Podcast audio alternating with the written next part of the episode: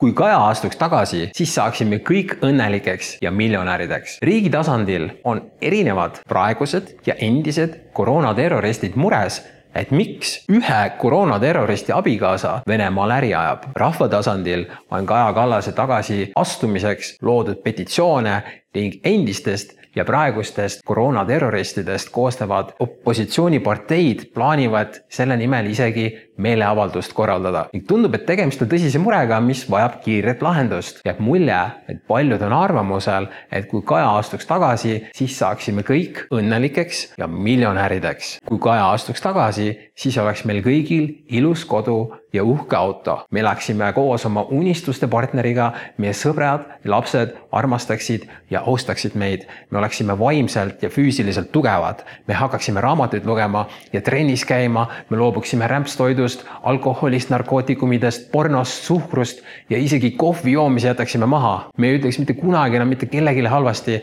ja ka iseendasse suhtuksime alati austuse ja lugupidamisega. meie elu oleks täiuslik, kui vaid see Kaja Kallas tagasi astuks. just selline paistab olevat tüüpilise eestlase mentaliteet käesoleval hetkel, aga mängime siis korra selle ideega, et Kaja astub tagasi ehk siis, mis siis oleks teisiti? kuidas sinu elu sellest paremaks muutuks ja kes sobiks Kaja asemele sinna valitsusse? kas keegi teine Reformierakonnast, mis koosneb valdavalt koroonaterroristidest või keegi Keskerakonnast, mis koosneb valdavalt koroonaterroristidest või keegi Eesti kahesajast, mis koosneb valdavalt koroonaterroristidest või keegi Isamaast, mis koosneb valdavalt koroonaterroristidest või keegi EKRE-st, mis koosneb valdavalt koroonaterroristidest või keegi SDE-st, mis koosneb valdavalt koroonaterroristidest või keegi nendest uutest pisikestest erakondadest. meeldetuletuseks, mitte ükski nendest erakondadest ei tegele sellega, et võtta vastutusele kohalikud koroonaterroristid, kelle tegude mõjul tekitati riigile miljardites eurodes kahju ja kelle vaktsiinisurve tõttu on Eestis viimastel aastatel surnud üle kümne tuhande inimese ja sajad tuhanded elavad eluaegse traumaga alateadvuses. kas keegi tõsimeeli usub, et eelpool nimetatud erakondadest leidub Kaja Kallasele parem asendaja, kui mitte ükski erakond ei tegele koroonaterroristide vastutusele võtmisega. ma olen korduvalt öelnud, et minu hinnangul on meie kõige olulisem kollektiivne ülesanne tagada, et koroonapettusega korraldatud terrorism ei saaks mitte kunagi korduda. veel kord, miljardites kahju riigile, üle kümne tuhande surnu ja sajad tuhanded eluaegse vaimse traumaga. kui mitte ükski erakond pole seadnud ülesandeks kogu koroonapettus detailideni lahti võtta ja selle survestajad vastutusele võtta, siis pole päeva lõpuks mitte mingit vahet, kes selles kolonaadis on peaminister. samamoodi nagu pole mitte mingit vahet, kas aset leidis valimispettus või mitte. minu jaoks on ilmselge, et mitte ükski erakond ei ole huvitatud koroonapettuse lahti muukimisest, sest kõik erakonnad läksid selle terrorismiga kaasa ja nad kõik loodavad, et rahvas lihtsalt justkui unustaks selle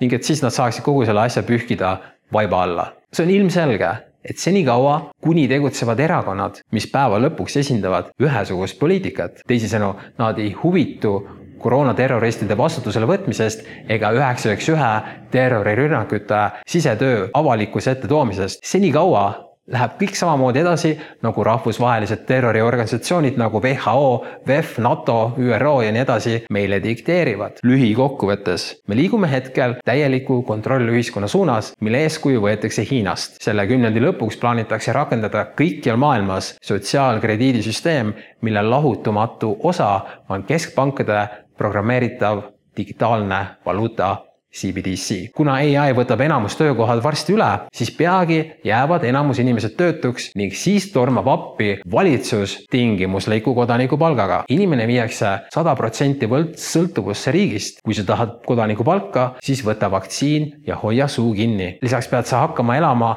viieteist minuti linnas ning sa ei oma midagi ja sa oled õnnelik. sa pead jälgima iga päev oma süsiniku jalajälge ja sa ei tohi omada ka autot, sest maailm sulab üles ja need inimesed, kes sulle seda juttu räägivad, ise lendavad ringi eralennukites. aga kui sa sellele faktile tähelepanu juhid, siis kodanikupalka ei saa. kõik see ja palju muud on tulekul üsna pea, juhul kui me kollektiivselt seda rongi ei peata. ja me saame selle rongi peatada ainult siis, kui me tuleme kollektiivselt kokku ja näitame kogu valitsusele, sealhulgas ka päeva lõpuks samasugust poliitikat vedavale opositsioonisektorile keskmist sõrme ja ütleme viisakalt, et meile aitab. me peaksime looma sellise süsteemi, kus maksab rahva sõna, mitte ametliku doktriini ainutõde. see uus süsteem on nagu intelligentne mesitaru, mis töötab kui kellavärk. see süsteem peaks olema selline, et nii-öelda pumba juurde ei pääse see, kes teeb parima valimiskampaania, vaid pumba juurde kogunevad orgaaniliselt kõige teravamad pliiatsid. pumba juures olemisega ei kaasne majanduslikke hüvesid, vaid tunnustus. ja see ei ole kommunism,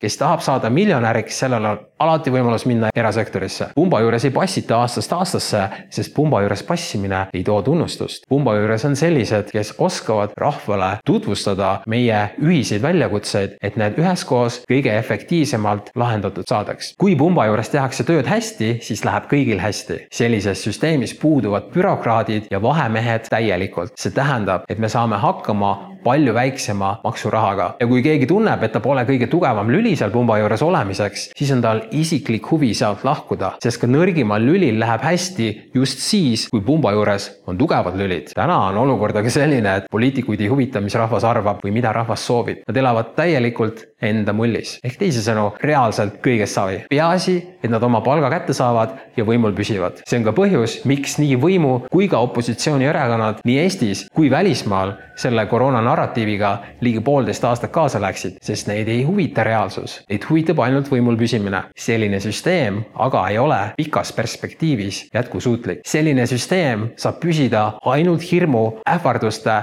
manipuleerimiste ja tsensuuri sümbioosis. paljud ütlevad, oi, et tead, kui koroona tuli, siis kõik oli nii uus ja me ei teadnud mitte, mitte keegi ei teadnud mitte midagi, mis tegelikult toimub. huvitav on küll, miks siis samal ajal tsenseeriti lamemaalasi, kes rääkisid täpselt sellest, mis tegelikult toimub ja mis on tänaseks osutunud kõik tõeks. see jutt, oi, me ei teadnud mitte midagi, see jutt on täielik pask. Nad lihtsalt otsustasid mitte tutvuda alternatiivse infoga. tegelikult, kes soovis, sai esimesest päevast alates koheselt aru, et kogu koroona on täielik pettus. aga poliitikud nii siin kui sealpool lompi otsustasid mitte tutvuda alternatiivse infoga, sest neil on reaalselt savi. ja see ongi nüüd äärmiselt kriitiline aspekt, mida vaja teadvustada. see tähendab, et ärge laske müüa endale mingeid unistusi. mitte ükski erakond ega mitte ükski poliitik ei saa sind aidata, sest tänane süsteem on sellisena loodud. ja senikaua, kuni eksisteerivad ükskõik millised erakonnad, ükskõik millised poliitikud, ei muutu mitte midagi. iga eksisteeriv erakond aitab kaasa sellele, sellele idiokraatile, mis hetkel üle maailma levib. ja senikaua, kuni see kolonaad edasi läheb, toetan mina Kaja Kallast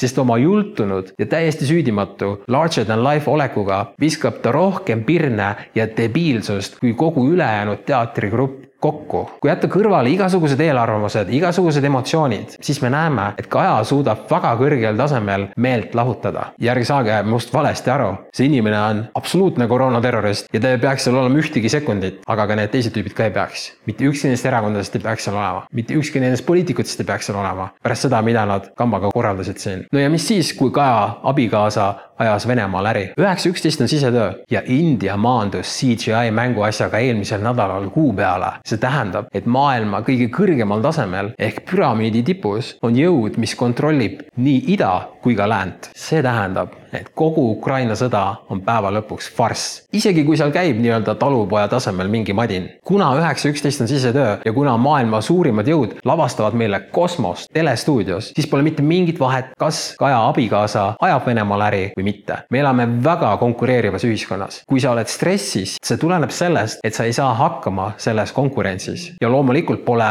eetiline sõja ajal vaenlase riigis äri ajada, aga tuletame meelde, et ka Venemaa müüb keset sõda oma gaasi Ukrainasse ja sealt edasi Euroopasse. seega me oleme ammu ületanud igasuguse eetika ja igasuguse loogika. me elame klounimaailmas, mis kestab senikaua, kuni me ei hakka rääkima elevantidest, mis meie elutoas laiutavad.